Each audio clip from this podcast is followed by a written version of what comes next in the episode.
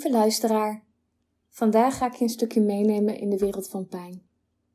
Mogelijk heb je al maanden of zelfs jaren te maken met een alles overheersende pijn die maar niet weg wilt gaan. En je hebt alles al geprobeerd. Ehm, verschillende onderzoeken hebben geleid tot bijvoorbeeld behandeling bij de fysio, verschillende massages, pijnbestrijding met medicatie. Ehm, misschien ben je wel naar een homeopaat gegaan, heb je acupunctuur gehad. Misschien heb je zelfs een operatie achter de rug. En deze strategieën kunnen in sommige gevallen best wel effect hebben, of misschien hebben gehad, maar misschien gaan ze bij jou ook helemaal niet helpen. En die kans is best wel aanwezig, want heel veel strategieën die ik nu op heb genoemd zijn nog berust op het oude denken.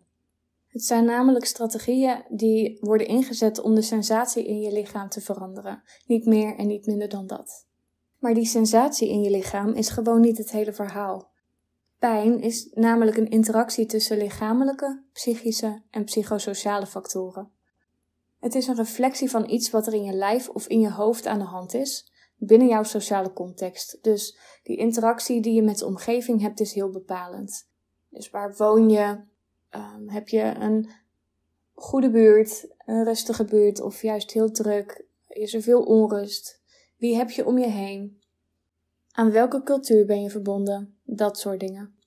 En wat niet iedereen weet, is dat pijn helemaal niet wordt verwerkt op de plek waar je het voelt.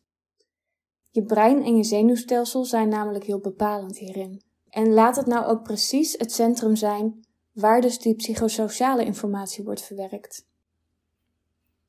Die prikkel die je ervaart op de plek waar het pijn doet, is dus maar een deel van alle factoren die je brein binnenkrijgt en te verwerken heeft. En gebaseerd op al die input besluit je brein waar, hoe lang en hoeveel pijn je moet voelen. En jouw zenuwstelsel reageert hier vervolgens op op een heel unieke wijze. En dat kan ook veranderen in de loop van de tijd. Zowel op een manier die voor je werkt of tegen je werkt. Ik wil aan de hand van een verhaaltje graag toelichten hoe jouw brein informatie aan je lichaam doorgeeft. Betty zit al uren op haar kantoor op een druilerige koude dag.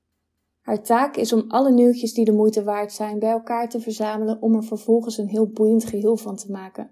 En dit moet, want ze moet de plaatselijke krant morgen op tijd bezorgen in alle briefbussen.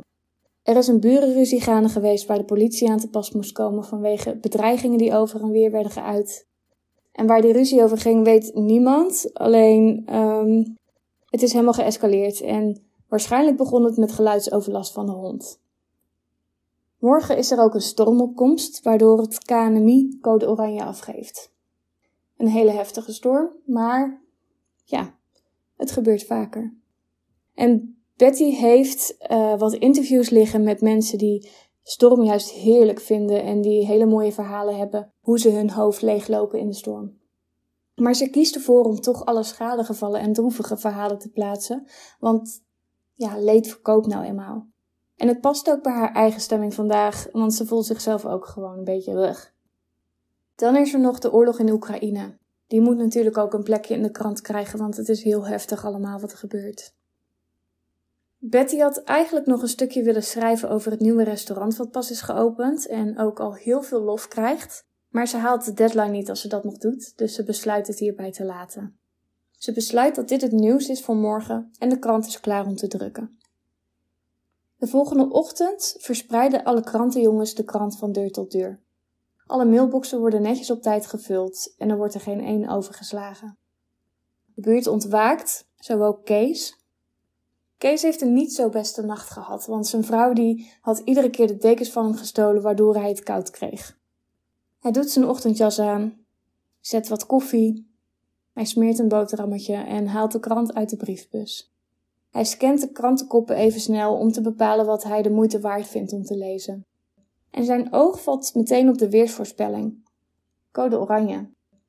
Er komt een onbestemd gevoel over hem heen. De laatste keer met code oranje viel er namelijk net een boom voor zijn neus toen hij van zijn werk naar huis reed, bovenop de motorkap. Hij kwam met de schrik en met wat blikschade vrij, maar het had veel erger af kunnen lopen. Hij had wel dood kunnen zijn. En in iedere vezel van zijn lichaam voelt hij opnieuw de angst naar boven komen. Zijn vrouw komt inmiddels ook naar beneden en het eerste wat hij tegen haar zegt is dat ze maar beter thuis kan blijven vandaag. Zelf meldt hij zich ook maar ziek bij zijn werk en hij staart naar buiten hoe hard de wind door de boom waait. Dit verhaaltje vertel ik om te illustreren hoe jouw brein dus informatie aan je lichaam doorgeeft. Je kunt jouw brein zien als de uitgeverij van jouw eigen krant. Betty, die de informatie verzamelt en de artikelen in de krant schrijft, is jouw brein.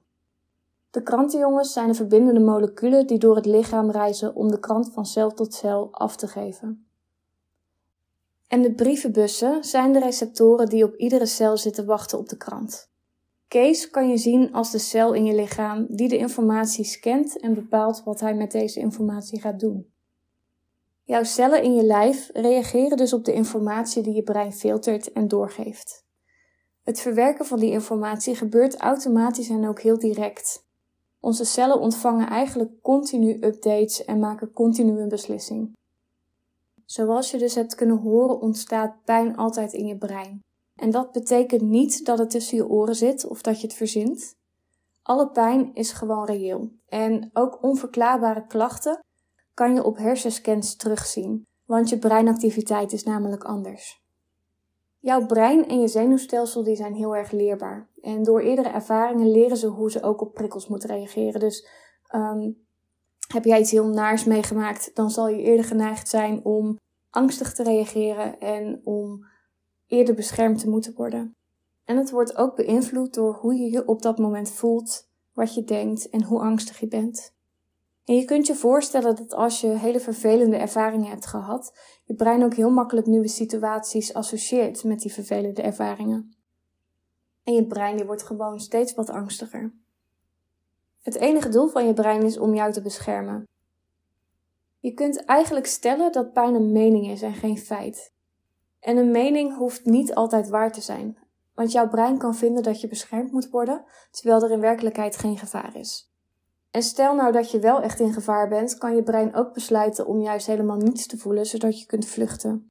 En misschien kun je je er wat bij voorstellen als je je inbeeldt dat je op de bank ligt met rugpijn en um, het lukt niet om omhoog te komen. Want je hebt eigenlijk dorst, je zou wat water willen, maar je pakt het glas niet omdat het te veel pijn doet. Dus je blijft maar even liggen. Maar stel nou, er komt ineens iemand binnengestormd die kwaad in de zin heeft. Wedden dat je ineens van die bank af kunt. Je voelt geen pijn meer om te kunnen rennen voor je leven. En misschien heb jij hopelijk in een iets minder ernstig scenario nog wel iets meegemaakt, iets soortgelijks meegemaakt in je leven waarop je ook door kon gaan toen het nodig was. Mensen met chronische pijn hebben een hypergevoelig en overbeschermend zenuwstelsel. En dat betekent ook dat pijnreacties relatief sterker zijn dan gebruikelijk. Maar er is ook goed nieuws, want de pijnreactie is omkeerbaar. En het brein en het zenuwstelsel kunnen gedurende ons hele leven geherprogrammeerd worden. En dat heet neuroplasticiteit. Ook weer zo'n mooi onderwerp waar we het vaker over kunnen gaan hebben. Wanneer je kunt gaan identificeren wat nou maakt waardoor je zenuwstelsel in een hypergevoelige modus is geschoten, ben je in staat om de frequentie en de hevigheid van de pijn te gaan verlagen. En je hoeft daarbij dus helemaal niet afhankelijk te zijn van medicatie, want je kunt heel goed met technieken, allerlei verschillende technieken, kun je zelfcontrole terugnemen en verlichting ervaren. Want je kunt namelijk je angstreactie van het brein kalmeren. En het hebben van kennis over pijn is dus één belangrijk onderdeel in het helingsproces. Kennis zorgt namelijk voor minder fysieke symptomen, voor beter functioneren, voor minder angst, betere mobiliteit en een kalmer zenuwstelsel. Over pijn zelf valt echt nog heel veel meer te zeggen en uit te leggen, maar dat komt een andere keer. Voor nu wil ik je meegeven dat hoe jij jouw leven leidt ertoe doet. Waar heb je mee ingestemd en waar heb je de regie uit handen gegeven? Ik hoop dat je wat aan deze aflevering hebt gehad en ik ben heel benieuwd naar je reactie. Heel erg bedankt voor het luisteren en heel graag tot de volgende keer.